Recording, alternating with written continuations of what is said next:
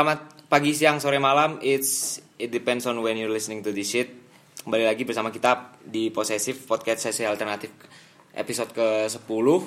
Wow, Episode paling sakral. episode paling sakral. Ya kan di pemain bola kan kalau nomor 10 kan Identik terkenal. dengan kapten lah ya. ya Dan 10 ini menandakan kesem- kesempurnaan. Jadi ini saya rasa kami rasa adalah waktu yang sempurna dan juga ini tahun 2019 banyak sekali kontroversi-kontroversi baru berapa bulan ya ini ya?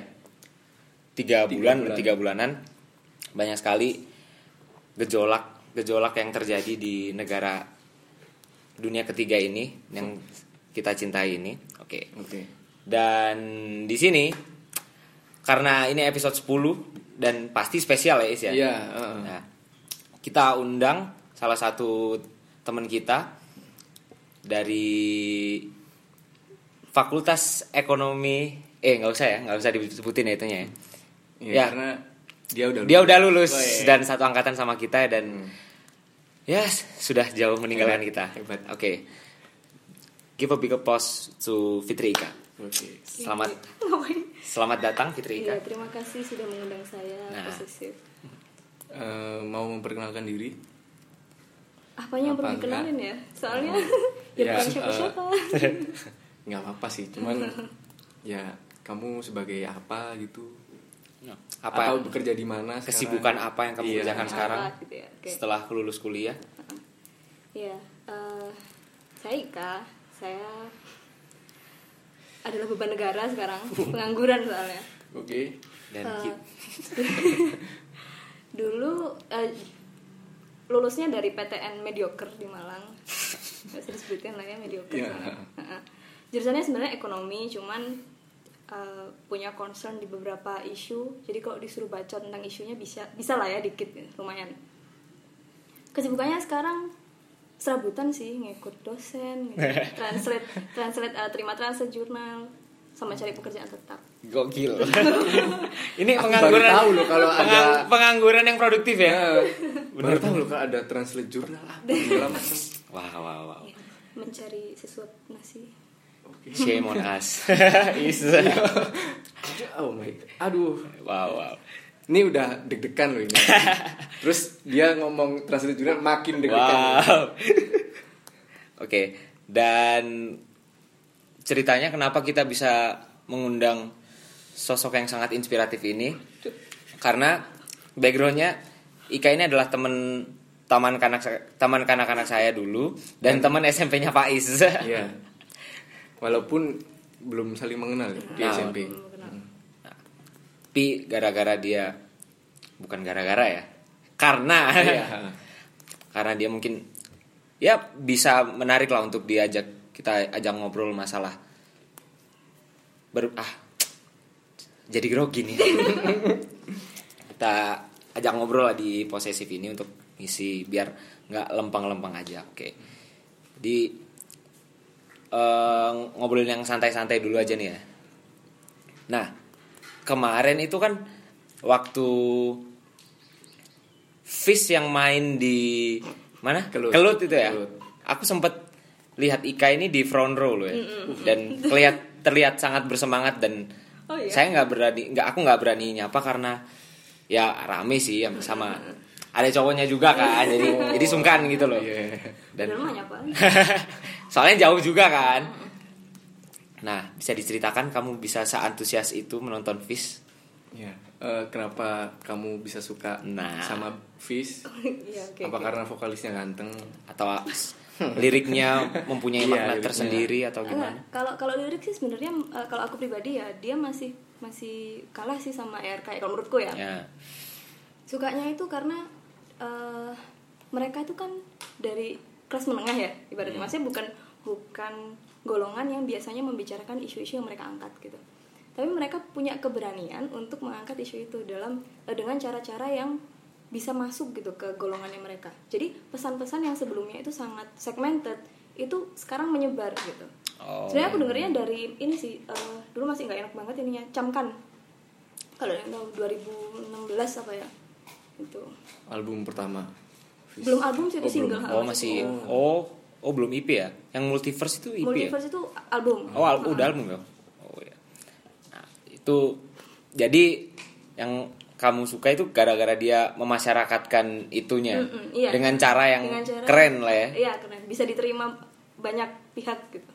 Oh iya. Tadi juga Ika menyentil masalah ERK efek rumah kaca. Nah itu, Iya kan itu terkenal. nah kenapa kamu bisa ter- terketuk lah dengan, dengan ERK itu? Iya. Ini, Atau kamu ah. bisa diceritakan dulu backgroundnya Apa nih? kenapa? ya itu sih. Eh, kan ERK terkenal sama apa ya? Terkenal Dengan ketajaman Khalil Mahmud dal Khalil Mahmud dalam menulis lirik lah ya, dia kan termasuk yang yang cukup ya frontal lah di Ah. di era-era modern ini sekarang. gitu. Apakah kamu ngobrol eh apakah kamu tahu ERK dulu terus mulai concern sama isu-isu sosial atau kamu tahu eh atau kamu concern isu-isu sosial dulu terus ngerti Baru ngefans ERK? ngerti Eh, gini. Kalau kalau Fis eh, concern dulu ya kar- karena Fis kan baru boomingnya kan 2016 terus Iya. sebelum itu aku udah udah lumayan concern sama isu-isu sosial. Kalau ERK itu sebenarnya dulu kan booming banget ya cinta melulu itu kan udah booming, udah dari lama banget Ah, kan iya. itu. Hmm. Ja- zaman kita SD kan. SD SMP gitu kan. MTV Mm-mm. lampu Heeh. Anak Terus- nongkrong. iya Terus eh, waktu Sinestesia keluar itu 2015 kan itu. Ah, itu udah 2015. mulai melek kan. Waktu-waktu zaman-zaman eh, album pertama album kedua rilis kan masih belum aware gitu. Maksudnya kedengeran Iya. liriknya eh, bagus cuman belum ngerti bener-bener ngerti maksudnya apa. Kayak jangan bak- jangan bakar buku maksudnya apa? Banyak asap di sana maksudnya Hmm, apa gitu kan belum belum ngerti gitu. Nah tapi waktu Sinestesia keluar kan udah lumayan ngerti dan langsung bisa waduh ini gila. Dia bisa apa ya liriknya itu tidak menggurui tapi bersahaja gitu loh. Iya. jadi makanya jadi gitu. Wow. isu yang diangkat juga ini kan sangat vital gitu. Nah, dan bisa diterima oleh kalangan-kalangan yang so called edgy gitu ya. Hmm. Nah. ya, make sense. Worth it. tapi eh, kamu mulai sadar kalau critical thinking itu harus dilatih itu sejak kapan Eh, terlambat sih eh, aku menyadarinya SMA SMA. SMA. Wow. Maksudnya. SMA terlambat Terlambat. kita mah awal-awal kuliah Aku mah gara-gara masuk sosial politik baru gini ya. SMA ya. Berat- berarti yang membuat sosok Fitri Ika sekarang yang menurut menurut kita ya itu kritis aktual dan tajam itu Waduh. dari titik baliknya dari SMA berarti ya. Hmm, SMA Itu kalau boleh tahu karena apa gitu mungkin? karena apa karena Yang membangun awareness kamu tentang isu-isu sosial atau apa pun itu. Iya, iya. Em, karena dari buku sih baca bukunya Pram Bumi Manusia yang sekarang sangat Wah, ya, ya, ya, ya. Iya, itu. Akhirnya kan jadi jadi eh, cari tahu Pram itu siapa gitu. Kenapa kok Pram itu nasibnya seperti itu? Akhirnya mencari-cari yang lain-lain gitu. Oh ternyata sejarah yang selama ini saya pelajari itu salah kayak gitu. Hmm. bukan salah sih bias gitu dibelokkan gitu. Akhirnya dari situ mulai menyebar ke mana-mana gitu. Waktu masuk kuliah akhirnya kan juga semakin terbuka gitu. Benar-benar. Hmm, tadi gara-gara apa? Yang bukunya Pram itu ya? Hmm. Saya Manusia. melihat kalian semua ini kayak tertawa sekarang karena, karena penyebutan buku itu kenapa ya? Mungkin apakah menganggap buku itu sekarang overrated atau gimana? Enggak kan emang Pram itu kan bisa menghidupkan apa menghidupkan hal yang mati dan mematikan hal yang hidup gitu, bener gak sih Iya, ah, siap, siap. Goks. Keren, keren. Sampai ada liputan tentang adiknya Susilo Tur tuh adiknya Susilo Tur. oh iya Eh, iya adiknya ya. Adik. adiknya yang di apa apa sih dulu namanya ekstradisi Di kalau orang yang Ah, dapat ekstradisi, ekstradisi. Rusia Oh, iya, ya di ekstradisi ah, ya namanya iya. Ke Rusia.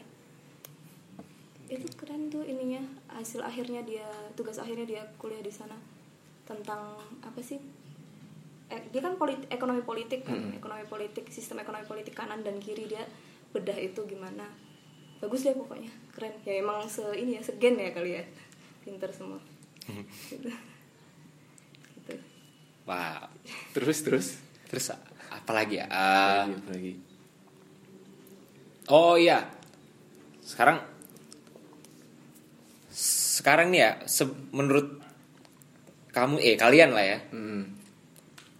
Eh, seberapa penting sih apa sih urgensi membaca buku di era modern ini gitu sekarang apakah sangat penting penting biasa atau penting nggak penting atau gimana lah menurut kalian soalnya kan sekarang juga udah banyak apa ebook atau medium-medium lain untuk membaca gitu kan seberapa pentingkah sih me- membangun niat untuk membaca itu Dari Kak dulu. dari Oh, dari aku dari dulu. Oke. gimana nih yang Em, sebenarnya menurutku nggak semua orang itu bisa belajar dari membaca. Maksudnya bisa nggak semua orang tahan gitu ya membaca. Jadi sebenarnya nggak apa ya bukan membaca buku itu bukan sebuah hobi yang harus dilakukan semua orang gitu ya.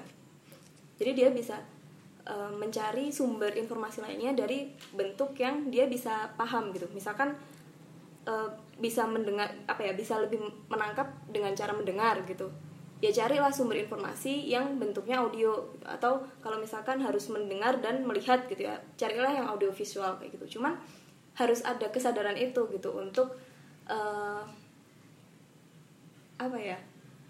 Untuk gimana ya? Gimana nih?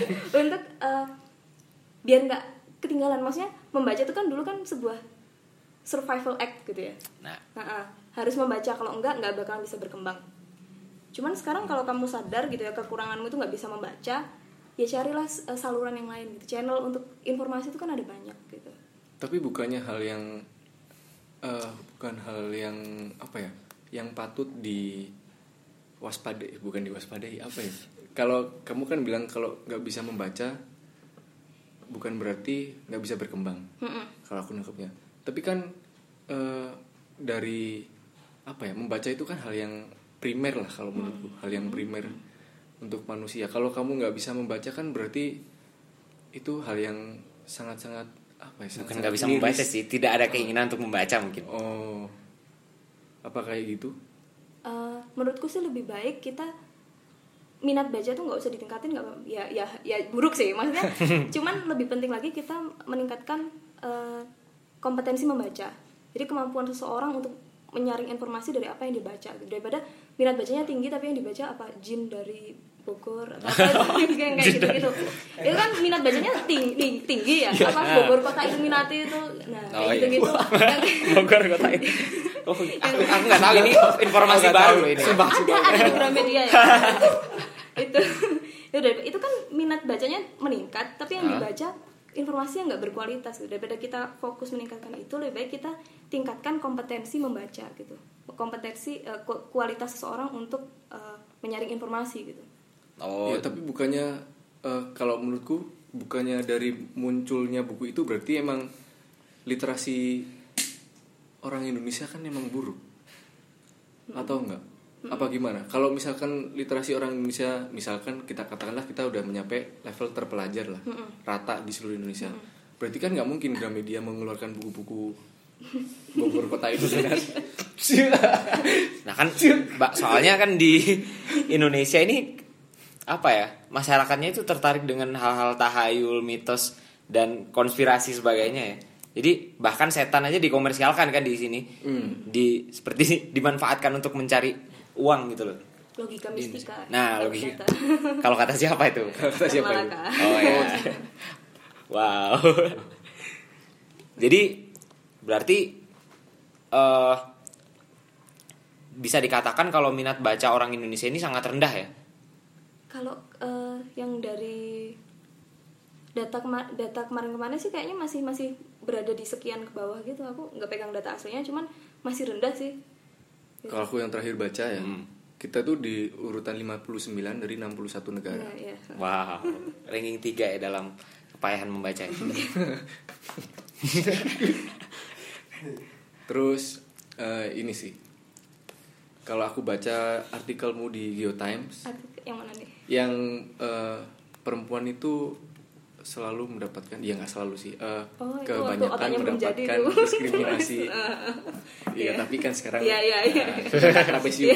gimana Eh, hal-hal apa aja sih yang eh, perempuan biasanya alami yang tergolong apa tergolong sebagai diskriminatif sebagai diskriminasi Heeh. diskriminasi gender lah ya bisa Iya. dikatakan lah ya Eh, yang sebagai mm, Iya. yang sebagai diskriminasi ya Hmm. sebenarnya eh, ada banyak sih. Kalau misalkan di lingkup pekerjaan itu biasanya banyak juga eh banyak yang posisinya sama output yang dihasilkan sama gaji yang diberikan berbeda gitu. Jadi ketimpangan gaji biasanya kalau di eh, ruang lingkup pekerjaan. Atau enggak performanya sama dalam posisi yang sama tapi yang mendapatkan promosi yang didahulukan adalah yang laki-laki gitu atau yang paling parah pelecehan sih. Nah itu pelecehan eh, fisik maupun yang non fisik gitu. Oke. itu sih itu sih kalau sebenarnya ada banyak cuman sebagai yang kalau diringkas sih ya itu aja. Hmm, ya. Dan itu di tempat kerja, di tempat kerja.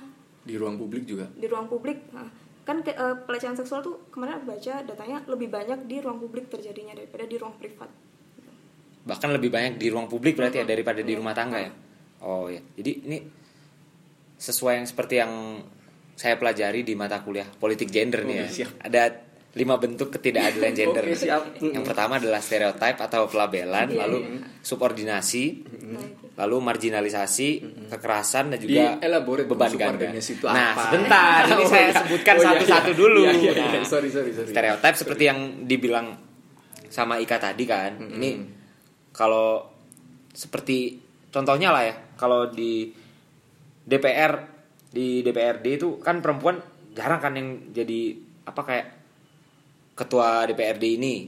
Hmm. Palingan kalau perempuan jadi DPR itu dia ditempatkan di apa? rumah tangga, rumah terus apa? menemuin doang gitu Nah, kayak menu-menuin doang lah, bukan sebagai pengambil keputusan lah yang paling tuh. Terus lalu subordinasi. Jadi subordinasi kan seperti apa ya? Mirip sih sama marginalisasi ya. Jadi eh, kalau dalam ruang diskusi eh, argumen yang di- diberikan sama perempuan itu palingan dianggap remeh-temeh lah sama laki-laki. Nah, itu apakah kamu merasakan hal itu di ruang publik loh ya? enggak sih bukan yang didiskusi tentang gender lah ya Oh, iya. masalahnya ya. Kan sering terjadi kan kalau perempuan dianggap sebagai apalah ya istilahnya eh, subhuman lah ya kata kalau kata para filsuf dahulu kan kan eh, kayak Aristoteles, Plato gitu-gitu kan mereka yang benar-benar eh, memarginalkan perempuan lah ya. Jadi istilahnya feminis ini lahir wah langsung nembak feminis aja nih ya. Feminisme ini lahir karena ketidakadilan gender yang dibuat oleh eh, keilmuan-keilmuan ini di abad berapa ya?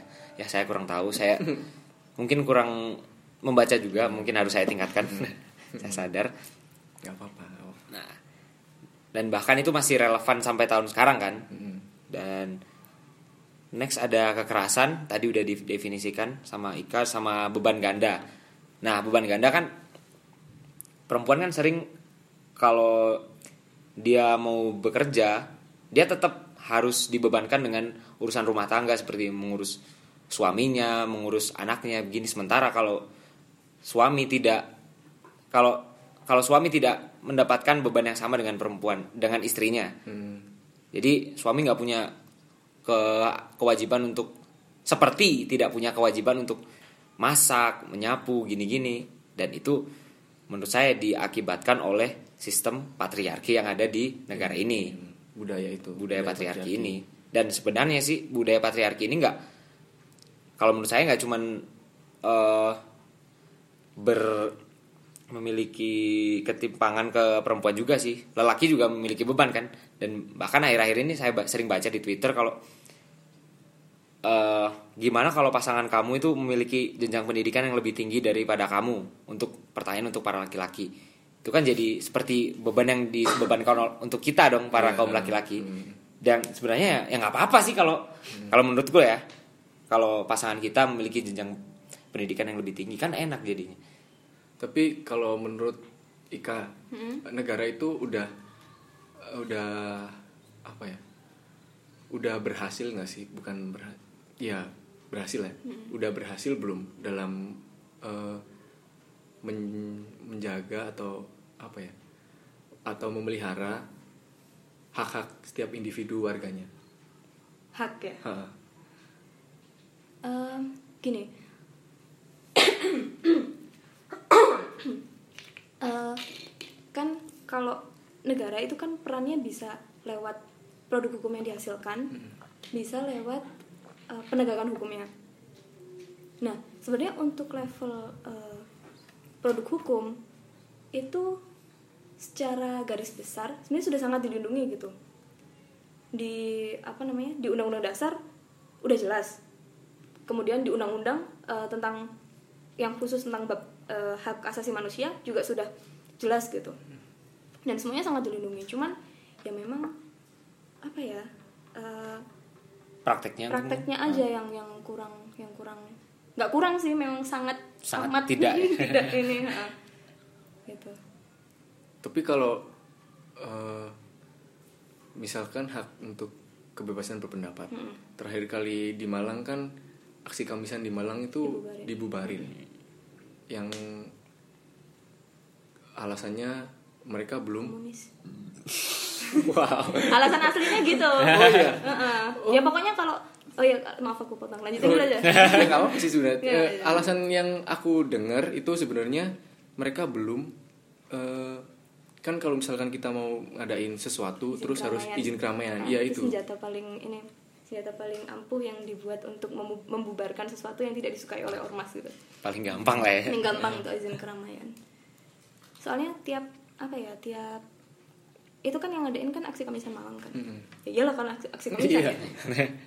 Eh, it- eh, dan itu kalau nggak salah eh, Oktober atau bulan September. Eh 30 Septemberan lah. Dan dibubarinnya itu nggak cuman oleh polisi. Kalau misalkan alasannya adalah izin keramaian kan harusnya yang yang berwajib kan polisi. Iya. Nah, yang wajib untuk membubarkan kan polisi. Tapi di situ ada ormas.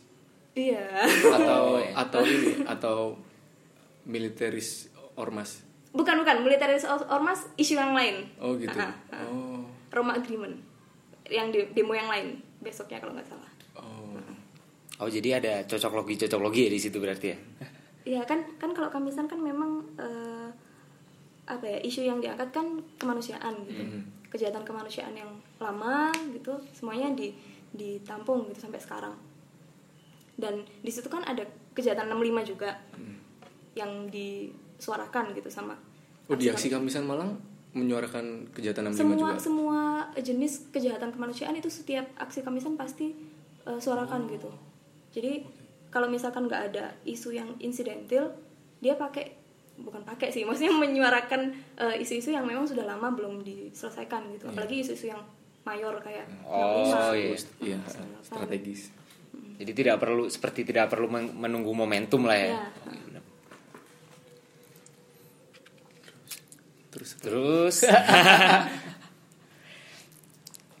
Eh dan nah ini nih yang menarik juga dari apa, apa dari Fitrika kemarin saya oh saya lagi. Aku sempat lihat di story kamu di ikut diskusi tentang RUU PKS nih ya.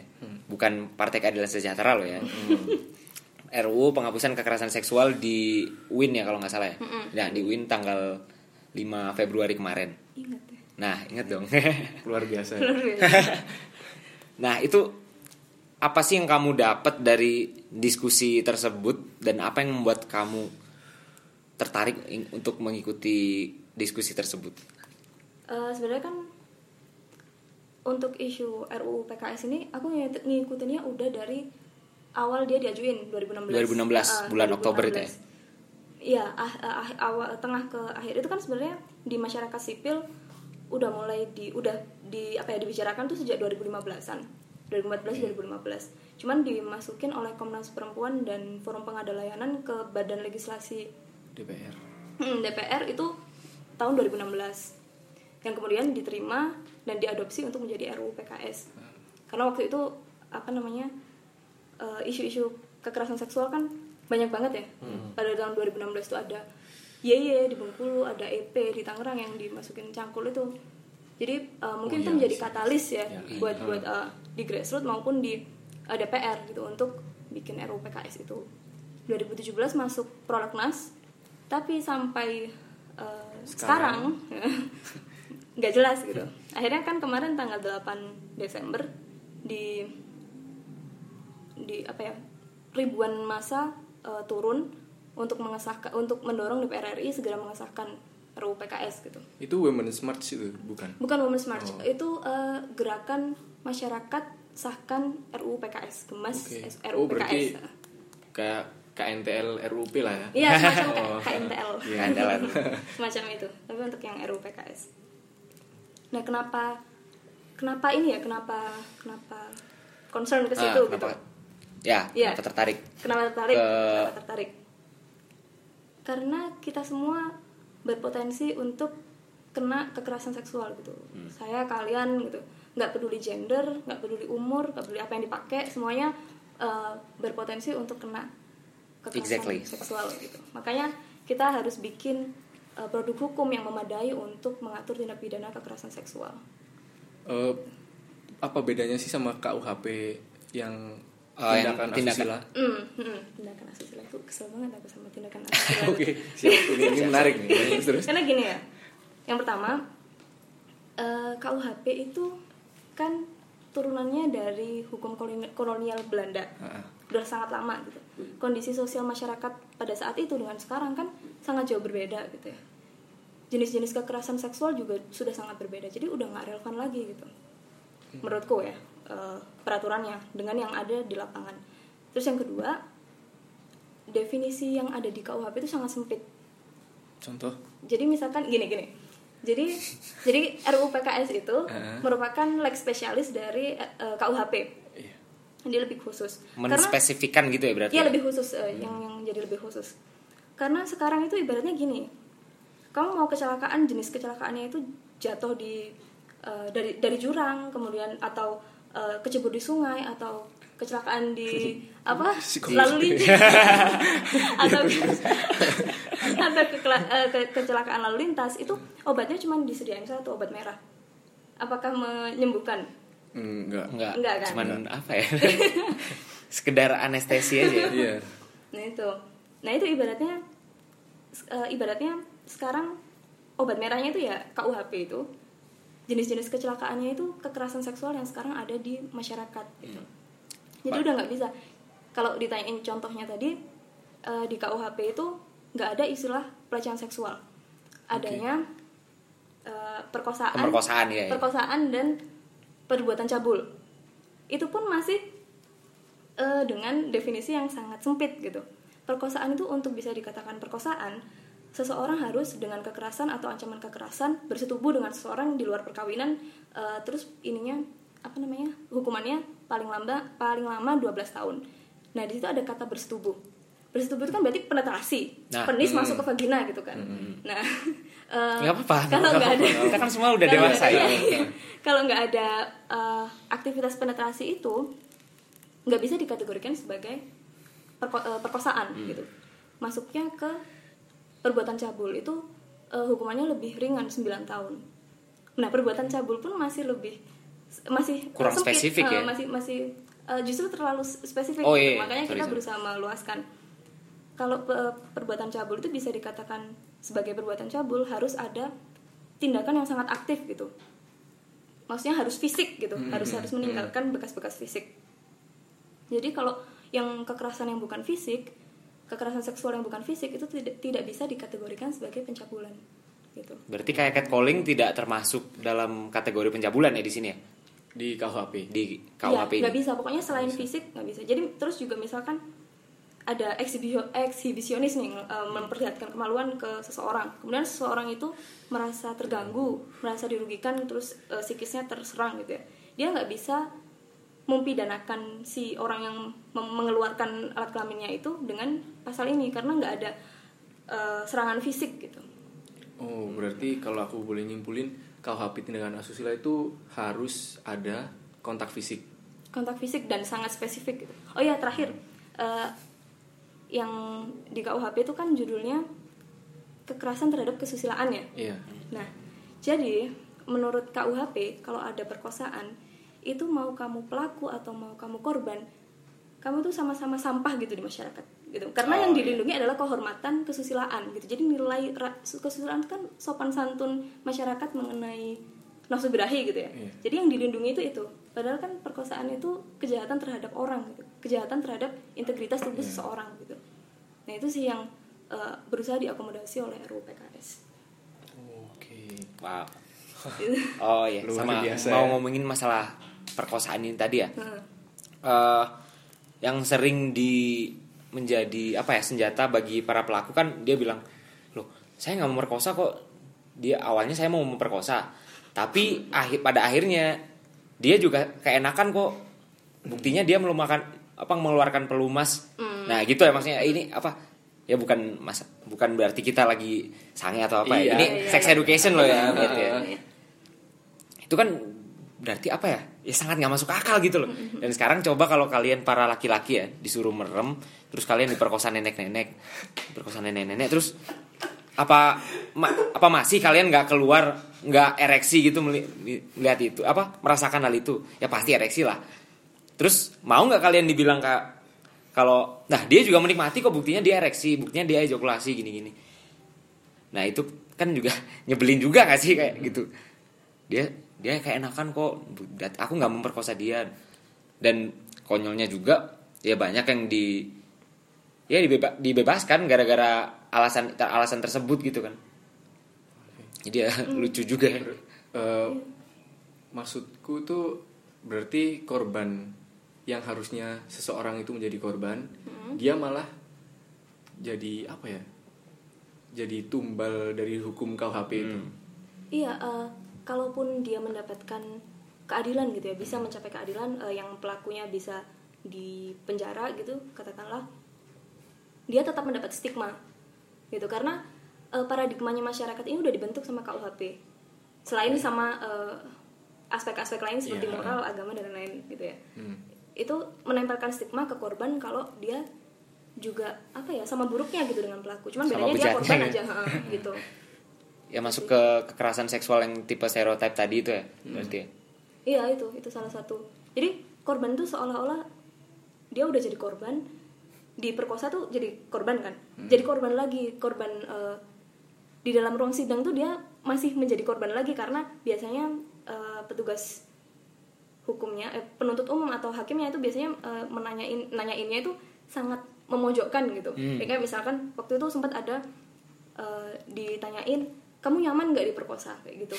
Wow. ya, ka- ya namanya juga kalau teman-teman enak-enak gitu ya, enak lah kalau teman-teman pernah lihat uh, Marlina Marlina pembunuh, pembunuh empat Iya. bapak empat gitu ya. bapak itu kan ada satu scene yang di mana Marlina di, uh, datang ke penyidik datang ke polisi kemudian dia kok kamu nggak ngelawan gitu? Kok kamu nggak ini pokoknya pertanyaan-pertanyaan yang menyudutkan dan memviktimisasi. Ya itu persis seperti itu uh, Marlina itu persis scene-nya itu seperti itu kejadiannya itu di, di Indonesia seperti itu. Ketika korban melapor ke uh, penyidik itu seperti itu gitu diinteg- diinterogasinya itu seperti itu. Tidak berperspektif ham dan gender. Gitu. Padahal yang harusnya dilindungi kan korban ya. iya itu. Berarti eh, bukan berarti sih. Kenapa Ibu Maimun ini kok malah menolak RUU PKS dengan padahal RUU PKS ini kan mengakomodasi iya mengakomodasi kepentingan-kepentingan ini Kepentingan itu. Eh, sebenarnya kalau kalau yang menolak gimana? apa sih yang berkembang di masyarakat? Mm. Kok bisa Bu Maimun siapa ini yang nggak tahu? dia dia ini loh eh, PhD loh kandidat PhD loh di mana gitu Wow. Nah, sebenarnya kalau penolakan RUU PKS itu di masyarakat beragam ya dari yang rasional sampai yang iya rasional berarti ya sampai yang tidak ada hablumnya gitu. Nah, yang rasional tuh kayak misalkan ketakutan kalau pasal-pasal dalam RUU PKS itu bisa menjadi pasal karet. Jadi kayak pasal apa tuh ITE gitu. Iya. Takutnya gitu. Permusikan. Ya, yang tidak jadi itu. alhamdulillah. Alhamdulillah. Eh, kalau yang Ibu Maimun itu mungkin eh, apa ya katalisnya itu dari salah satu website I don't know eh, hidayatullah.com kalau nggak salah. Pokoknya seperti Udah, yang kayak nggak tahu kalau- yang kayak gitu-gitu. Kalau urusan-urusan sama itu aku jelas nggak tahu. Padahal yang eh, pasal-pasal yang disampaikan di situ tuh nggak benar gitu. Jadi katanya apa ntar RUU PKS ini melegalkan LGBT, LGBT melebal- melegalkan zina. Terus eh, ntar kalau ibu menasihati anaknya untuk memakai kerudung. Oh, kerudung iya. itu Fix. bisa dipidana gitu. Itu itu kayaknya sebenarnya dari situ. Terus diperkuat sama siapa? MUI sama eh, fraksi PKS fraksi PKS ini sebenarnya MUI itu malah mendukung Bu Maimun. MUI itu mendukung Bu Maimun is that news to you? Iya. Iya serius bener bener Dan enggak bener bener. Wow. Eh, enggak maksudnya MUI ya MUI iya sih. Iya iya sih. Eh, Gitu. cuman kan maksudku kok malah lembaga resmi negara yang apa ya kategorinya memiliki pengaruh lah di masyarakat kita malah mendukung seseorang dengan opini yang keliru gitu. Eh, sorry bukan bukan mendukung sih. Cuman stance-nya kontra. Jadi MUI itu bilang kalau eh, RUU PKS ini nanti takutnya multitafsir gitu. Jadi tidak Oke. tidak apa ya tidak oh itu PKS ding yang bilang kalau tidak tidak sesuai dengan Pancasila dan nilai-nilai agama gitu. Gitu. Kalau MUI bilangnya takutnya RUU PKS itu multitafsir. Padahal ketika apa ya regulasi itu kalau udah dibuat apalagi dia mengatur tindak pidana dia itu nggak boleh multitafsir gitu nggak ada ruang untuk interpretasi sama sekali. Jadi yang tertulis ya itu yang dilaksu- yang dilakukan gitu. Jadi nggak bakalan bisa diinterpretasikan. Kayak misalnya yang diatur di situ kan eh, yang paksaan dengan paksaan. Berarti yang suka sama suka diperbolehkan. Ah, yang oh, lagi iya, iya, itu iya. maksudnya Iya. gitu kan. Ya saya juga ya bener sih. Dari apa yang dibilang Ika saya juga sempat lihat yang video orang-orang mereka yang kontra dengan RUU PKS ini kan mereka takut kalau apa kalau semisal suami mau nyolek istri gini nah Itu Maimun tuh Oh itu Bu Mamin itu ya. Itu dia apa? Terus istrinya nggak mau ngelayanin kata dengan adanya kalau dia takut dengan adanya RUU PKS ini si para istri yang nggak lagi nggak pengen lah ya, sementara suaminya lagi pengen bisa melaporkan suaminya ke bisa memidanakan sua- suaminya gitu. Dan itu katanya sih kata dia dia takut kalau itu menodai nilai agama yang katanya istri harus nurut sama Melayani. suaminya gini gini gini gini dan lain sebagainya. Mungkin itu juga sih yang apa bikin pihak yang kontra ini geram ini. Gan, oh ini nggak bisa dibiarin gini. Selain apa yang di menjadi apa concern dari dia kan apa dia paling takut lah sama LGBT gitu. Apa LGBT dilegalkan gini gini, gini. Tapi RUU PKS ini ada apa ya? Ada batasan ruang nggak? Misalnya kayak seperti itu tadi. Berarti kan Bu Maimun itu concern sama negara itu udah mencampuri urusan individu warganya sampai ke kamar tidur gitu. Apa itu? yang di RUU PKS Ah. maksudnya maksudnya gimana apakah Eh, RUU PKS apa ada pembatasan ruang dari negara itu apakah negara itu nggak sampai mencampuri urusan warga negaranya sampai kamar tidur itu tadi kalau dalam RUU PKS ini negara akan mencampuri urusan warganya sampai ke kamar tidur jika ada kekerasan gitu. Jika ada paksaan kekerasan. Karena banyak juga kan yang di kasusnya itu domestik gitu. Meskipun udah ada KDRT tapi masih ternyata masih belum cukup khusus gitu. Karena nggak cuma suami istri doang kan yang yang eh, nggak cuma istri doang yang kena gitu. Kadang anak atau eh, ponakan dan lain sebagainya. Nah makanya yang diatur di sini itu eh, mau dia pri- di ruang privat atau publik kalau melibatkan kekerasan paksaan yang tidak konsensual itu di sini dihukum gitu. Ada macamnya sembilan macam kalau di sini. Eh, di RUU PKS itu ada berapa sih ancaman kurungan penjaranya? Eh, macam-macam sih cuman itu berdasarkan jenisnya. Kan jenisnya di, di situ dibagi jadi sembilan. Nah itu ada pembagiannya lagi. Kalau misalkan dia kenanya itu melakukan itu kepada seseorang dewasa gitu ya itu kenanya biasanya lebih ringan kalau kenanya ke eh, apa em, melakukannya itu ke anak biasanya lebih berat kalau ke disabilitas biasanya sama dengan anak kalau ke anak yang disabilitas biasanya Lebih sangat berat berat, lagi. eh, sangat berat gitu. Oh belum di RUU PKS belum berarti belum tertulis berapa Ada ancaman ada pidana. ada Oh, rinciannya. udah. Cuman Oh. sangat banyak kan itu jadi dari 9 itu dibagi-bagi lagi ketentuan-ketentuannya kalau kondisinya kayak gini berapa kurungannya, kalau kondisinya Hmm. gini berapa. Beda sama KUHP yang cuman 12 tahun sama 9 tahun gitu. Oke. Wow, itu benar-benar membuka wawasan. iya sih. Dan apa menurut kamu ya ini ya? Ini RUU PKS ini sebenarnya bisa melindungi apa laki-laki juga nggak sih dalam masalah pelecehan seksual nih ya? Bisa nggak RUU PKS ini mengakomodasi keluhan para laki-laki? Kan ini kan kalau kekerasan seksual identik dengan korbannya perempuan. Yang mana yang mana di prakteknya sendiri nggak perempuan juga yang menjadi nggak melulu perempuan yang menjadi korban gitu kan. Di bisa nggak sih RU pem, eh permusikan RU PKS ini mewadahi apa stigma ini atau me- mengganti stereotip inilah? Iya, iya. eh, makanya jawabannya bisa gitu. Karena dari menimbang itu dia sudah bilang kalau setiap warga negara itu berhak atas rasa aman gitu, seperti yang diamanatkan oleh Undang-Undang Dasar 1945 dan Pancasila. Makanya PKS itu bilang nggak eh, sesuai sama Pancasila itu dari mana gitu. Jadi memang ini melindungi semua eh, gender gitu, perempuan atau laki-laki gitu, berapapun umurnya, gitu. Oke. bener juga kan Hmm.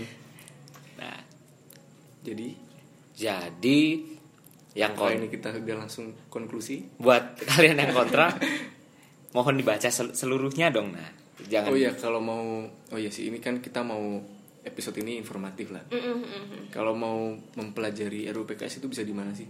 Eh, bisa yang pertama sih pasti harus baca draftnya dulu draft RUU terus baca naskah akademiknya terus baca eh, penjelasan mungkin kalau mau apa ya baca apa sih bedanya gitu kak sama KUHP sama hukum-hukum yang udah ada? Itu di Komnas Perempuan kalau nggak salah itu ada sudah jelas gitu Di pengkhususannya apa di websitenya. Oke.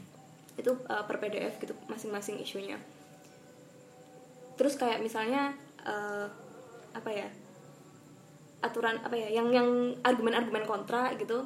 Kayak misalkan yang aborsi dan lain sebagainya itu bisa dicari sendiri sebenarnya peraturannya udah ada semua gitu. Kan nggak mungkin mengatur aturan yang udah ada gitu itu sih. Wow Sebenarnya speechless aku, aku, aku mau ada pertanyaan lagi tapi takut nggak nyambung nih sebenarnya. nggak apa-apa sih. Nggak eh, iya apa-apa. iya tergantung yang punya. Siapa? Eh, enggak sih berhubung kamu eh, apa menyentil kata aborsi tadi sebenarnya di Indonesia itu eh, apa sih yang menjadi apa ya menjadi apa ya menjadi hal yang tabu di kalangan masyarakat Eh, kan aborsi itu sendiri kan sebenarnya hak dari seorang ibu ya untuk seorang calon ibu sorry seorang calon ibu untuk ya kalaupun dia nggak siap untuk me- melahirkan membesarkan. seorang anak kan dia boleh gitu loh diaborsi Iya. untuk melakukan aborsi. Tapi kok yang aku ngerti tuh di Indonesia belum belum banyak gitu eh bukan belum banyak ya ataupun nggak ada malah klinik aborsi kayak gitu Iya. Eh, aku sepakat sih kalau itu hak setiap calon ibu ya. Cuman negara nggak sepakat. Jadi Indonesia ini di Indonesia ini aborsi itu masih ilegal kecuali untuk dua kondisi. Yang pertama membahayakan nyawa ibu, yang kedua korban perkosaan. Nah, jadi memang kalau melakukan aborsi di sini masih ilegal gitu. Makanya di makanya sini malah ilegal ya? Ilegal, nggak dibolehkan. Kecuali untuk di dua kondisi itu gitu. dianggap pembunuhan mungkin ya kalau aborsi soalnya ikatan dokter Indonesia kalau nggak salah nggak sepakat sama aborsi. Kan biasanya tergantung sama eh, itunya gitu. Undang-undangnya ada itu aborsi. Oh. Gitu. Cuman seharusnya supaya nggak larinya itu ke dukun yang tidak apa ya Yang tidak med- jelas yang lah ya. nggak jelas yang mm-mm. itu memang harusnya sih ada kliniknya gitu cuman kan kalau ada klinik aborsi berarti kita harus melegalkan aborsi, Aborsi, kan ya. Ya kalau misalkan eh, seperti itu tadi misalkan eh, sorry itu sih misalkan perempuan eh, diperkosa dan akhirnya positif untuk Hamil. eh, hamil kan itu juga bukan apa ya bukan kemauan dia untuk melahirkan seorang anak gitu loh. Berarti kan negara tidak mengakomodasi itu. Hmm, kalau untuk perkosaan di, dibolehkan. Jadi cuma dua yang boleh mengaborsi. Kalau Oh. kalau kondisinya membahayakan nyawa ibu atau korban perkosaan itu boleh aborsi. Selain itu nggak boleh. Yang itu oleh negara ya tapi ya? Tapi Hmm, oleh negara. tapi kalau untuk apa di dalam nilai-nilai masyarakat kan masih kayak uh nggak boleh nih. Kita kalau ada korban pemerkosaan sampai hamil jalan tengahnya adalah dinikahkan Ah, itu. dengan itu. Itu kan, Iya, kan itu- kayak konyol banget ya nggak sih? itu nggak dia menjawab udah pertanyaan iya sama dia dia udah diperkosa udah menjadi korban terus malah dinikahkan. iya kayak ini Wah, negara macam fakta apa sih coba? itu. Harus living the rest of your life dengan sam- dengan seseorang yang Iya. memperkosa gitu kan. Itu jadi itu biasanya karena apa bergaining posisi apa ya bergaining position itu bahasa apa ya? Ya. posisi tawar eh, Nah, yang, iya. yang pemerkosanya itu biasanya lebih tinggi dan yang ceweknya nggak bisa yang diperkosa nggak bisa ngapa-ngapain gitu akhirnya Hmm. udah damai aja daripada menjadi apa nama buruk keluarga itu banyak banget makanya kasus damai itu sangat banyak dan kita berusaha mengurangi sebenarnya biar nggak damai gitu biar nggak berulang gitu seperti bicara soal Agni, damai nah ini baru, ya. baru mau saya sentil di PTN ternama di Jogja. Nah Oh iya, inisialnya sorry, UGM sorry. inisialnya UGM inisial panjangnya Universitas Gajah Mada. Nah itu menurut kamu nih ya eh, apakah pantas UGM-nya nah ini ya kita bicara soal UGM-nya bukan pelaku atau korbannya ya. itu disalahkan atas kasus ini yang apa berakhir dengan damai ini? Kalau menurutku sih ini memang kapasitasnya UGM ya cuma segitu. Maksudnya maksudnya eh, bukan maksudnya maksudnya Iya. dia eh, cuman bisa memberikan sanksi akademik dan lain sebagainya. Tapi eh, di luar itu seharusnya yang perlu disalahkan itu adalah penyidik setempat. Karena karena perkosaan itu sampai sekarang ya kalau masih pakai KUHP bukan delik aduan. Artinya nggak harus nggak harus ada orang yang melapor untuk bisa diproses gitu kan. Iya. Nah, polisi itu kan udah tahu, polisi lagi. Eh, yang berwenang apa eh, yang berwenang yang berwenang. yang berwenang kan udah tahu gitu kalau kalau ada kasus itu nggak mungkin nggak tahu kan Iya. nah itu seharusnya pelaku sudah bisa di bukan pelaku siapa ya yang yang diduga pelaku itu Hmm. bisa ditahan satu kali 24 jam untuk diinterogasi kalau memang enggak untuk dilakukan penyelidikan kalau memang tidak terbukti baru dia boleh dilepaskan gitu Hmm. yang terjadi yang terjadi nggak ada nggak pernah ada eh, penangkapan gitu. Nggak pernah ditangkap gitu. Jadi sebenarnya mau yang di UGM itu damai atau kalau katanya pengacaranya Agni itu rekonsiliasi mau di UGM damai atau gimana itu nggak jadi soal sebenarnya. Jadi harus tetap berjalan tuh proses hukumnya. Kalau enggak ya akan terjadi impunitas kan untuk si tersangkanya ini gitu. Kalau jadi impunitas bisa berulang lagi kasusnya. Nggak cuma Iya. dia tapi orang-orang lain oh ternyata dibiarin nih eh, memperkosa. Ya udah perkosa aja gitu. Menimbulkan akni-akni selanjutnya. Hmm, menimbulkan akne selanjutnya. Masalahnya ini di apa ya? Kampus ternama. Kampus ternama loh ya. Yang menjadi cita-cita Faiz waktu itu. Wow. Untung aku menolak dulu. Wah udah masuk loh. Oh baru tahu nih. Oh iya? Iya udah masuk. Oh. Lewat jalur? SBMPTN oh SBMPTN oh terus kenapa jadi di kampus mediocre di kampus mediocre di kampus mediocre saya juga berarti. Oh jadi belok ke aku nih? Duh, apa-apa. iya, nggak apa-apa, Ya, nggak apa-apa. nggak apa-apa. mumpung kamu nyentil. Soalnya sudah terlanjur mendalami sesuatu yang di sini gitu. Dan jadi sekalian aja ya? Sekalian Eh, ini agak out of topic sih. Sebenarnya kamu dulu tuh emang pengen masuk di ekonomi pembangunan ya? Bener kan ya? Ya itu aku penasaran juga. A- apa ada jurusan lain itu yang ingin kamu masuk masukin? Aku aja sampai sekarang kalau misalkan ditanyai "Ah, apakah kamu tidak menyesal masuk akuntansi? Saya cukup menyesal sebenarnya. Cukup karena menyesal saya mau menyesal? masuk hukum. Oh iya. Jangan menyesal gak mau cari kerjanya akuntansi. Gampang banyak saingannya juga. Iya, enggak sebenarnya aku pengennya eh, dulu itu waktu SMA kalau enggak hukum interna eh hukum lagi hubungan internasional sastra Inggris. Gitu. wah persis. Oh iya. Cuman nggak keterima. sama pilihan ketiga. Nah, terus aku mikir ya eh, dari ilmu sosial ini aku yang paling susah apa? Yang paling nggak suka apa? Ekonomi. Yaudah deh itu aja. Wow. Soalnya Oh, berarti kamu Gokil men-challenge logikanya diri ya. sendiri Wow. limit breaker nih kan ya. Ya udah akhirnya ekonomi masuknya di situ ya udah. Menyesalkah enggak sih Enggak. Buktinya juga lu, udah lulus, udah sampai 4 tahun. Sementara kita masih struggle dengan gini-ginian Gila, semuanya. makanya. Hmm, udah ya. Eh, Apa masih mau ngobrol yang lebih berat? Karena ini terakhir udah agak ringan nih. ringan ya, tapi ya tapi udah secara conversation udah sedikit terkupas lah ya. Hmm. Kita udah banyak informasi yang baru kita serap dari seorang Fitri Ika. Dan terima kasih banyak Iya, ya terima udah oh datang iya ke sini. satu lagi nih Oke. kalau kalau misalkan ada data definisi atau eh, tafsir hukum yang tadi ku sebutin dan ternyata keliru bisa dikoreksi atau kalau ada logika yang cacat atau eh, beda pendapat itu bisa diversifikasi I'm very open for discussion Wah, kalau kata apa Budiman Sujatmiko, logika bengkok. Oh iya. Astaga. Terus eh, sebagai penutup, aku mau tahu dong eh, playlist apa ya yang playlist lagu ya maksudku yang sekarang ini sedang menggambarkan seorang Fitrika. Ya, lima. Lima, atau lima. tiga lah. Lima lah, lima. oh iya sih, yes, lima. lima. Kurang Ntar- ntar tiga. Aku edit soalnya biar masuk ke set. apa ya Eh, Fish mungkin, ERK, terserah. Apa jangan-jangan kamu udah mengharamkan musik? Oh, haram really? apa ya Nggak ada. Ada lah pasti. Ada lah pasti. apa ya ini sih kayaknya Ya nggak nggak harus berhubungan dengan ini sih. Mm-mm. apa ya apa Mungkin kamu lagi berbunga-bunga. Wow. apa ya mungkin. duh Kus plus.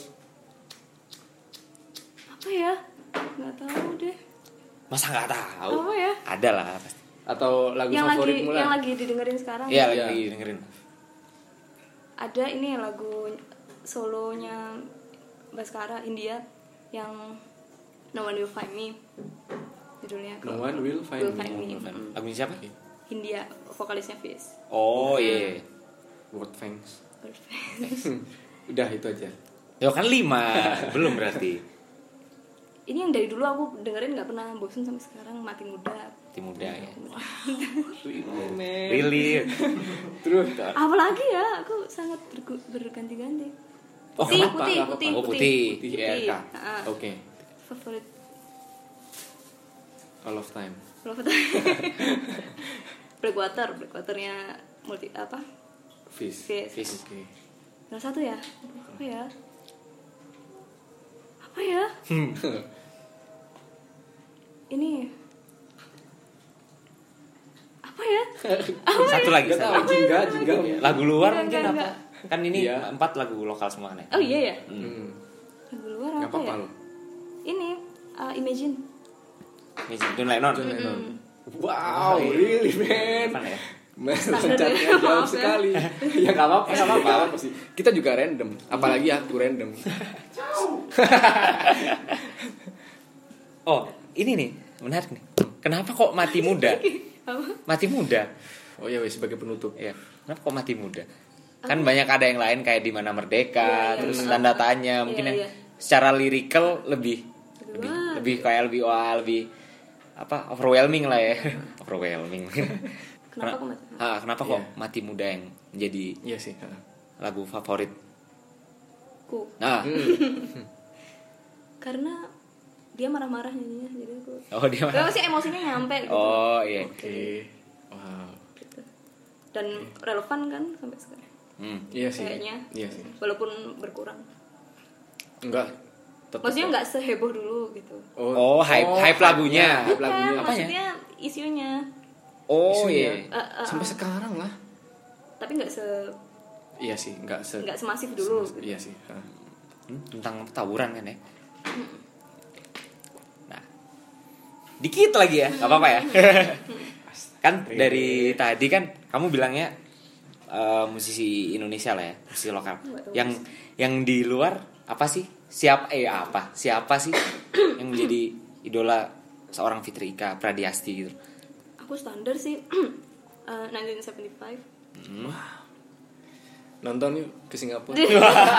Demi siapa 1975 waktu Mankis Oke.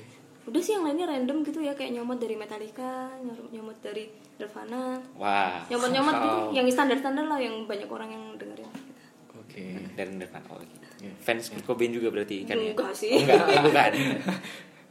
Oke, eh, Ini last. Last bener-bener last. Fix ini udah aku Enggak, kamu pikirkan aja yang nutup. Dari terakhir. Ya. Nah, iya ini. Hmm. Eh, ini terakhir, fix terakhir. Eh, do you consider yourself as a feminist? no no Wow, Oke. secara tegas ya. Yes. Karena dikit aja nggak apa-apa. karena nilai-nilai yang ada di feminisme sudah ada di nilai lain yang ku imani imani Imani. imani Ilhami, i- i- ilhami. Yang Waduh, imani. ay. Oke, gitu dan kadang ada beberapa tafsir feminisme yang kurang sesuai di aku sih Oke. Wow. Menarik juga Really? ya. Wow. Ini kayaknya episode terbaik sih. Sejauh ini. Plot twist gak sih? wow. Mind blown. Lah kenapa kenapa? Ya, Nggak apa-apa, nggak apa-apa. Kan Eh, next time Ika kalau diajak lagi mau ya? Ya nggak apa-apa. Oke. nggak tahu kalau mungkin ada isu-isu yang Ika mungkin tertarik. Heeh, heeh. Kita bisa mendapatkan Kita belum ngomongin Nah, HAM. Oh iya. Ham berat. Tadi, tadi- tadi ka- kaget ya aku bukan feminis nggak nggak kaget. Cukup kaget, cukup kaget. Semua orang tuh kayak ya kalau kalau nggak fem aku ke- ngecap ke aku kalau nggak feminis, liberal, komunis, anti pembangunan, anti militer. Wah. Banyak sekali ya. Wow. Udah Gak apa dong berarti Nggak kamu berhasil untuk Iya, heeh. membuat orang jengkel. Itu prestasi loh kalau buat Iya. kalau untukku sendiri. Kamu libertarian? No? no. Enggak juga. aku tuh nggak tahu aku di mana. Maksudnya, apakah perlu juga mengotak-ngotakkan diri ke mana gitu? Enggak kan? Oh, Iya sih, enggak enggak enggak perlu sih. Nah, oke. Oke. Wow. Really? Oke, that's it. Da, bincang-bincang kita sama Fitri Ika Pradasti. Terima kasih banyak udah nyempetin waktu hampir Iya, terima kasih banyak. satu jam kita cuap-cuap di sini dan ini udah mau maghrib. Oke, kalau kalian mau memberikan kritik serta saran bisa ke podcastalternatif@gmail.com atau ke sosial media kita masing-masing. Sekali lagi terima kasih. Thanks and shout out to Fitri Ika Pradiasti, sarjana Ekonomi. SE berarti ya. SE. Fitri Ika Pradiasti SE eh, sudah meluangkan waktunya selama hampir sejam gak kerasa ya ya. Karena kita Sumpah. wow aku 4 jam ngobrol nih. Aku siap. penuh penuh luapan-luapan dan kejutan-kejutan yang tak terduga dan Iya. juga informasi baru juga bagi kita. Terima kasih ya Ika ya. Oke dan oke that's enough for today. See you next time.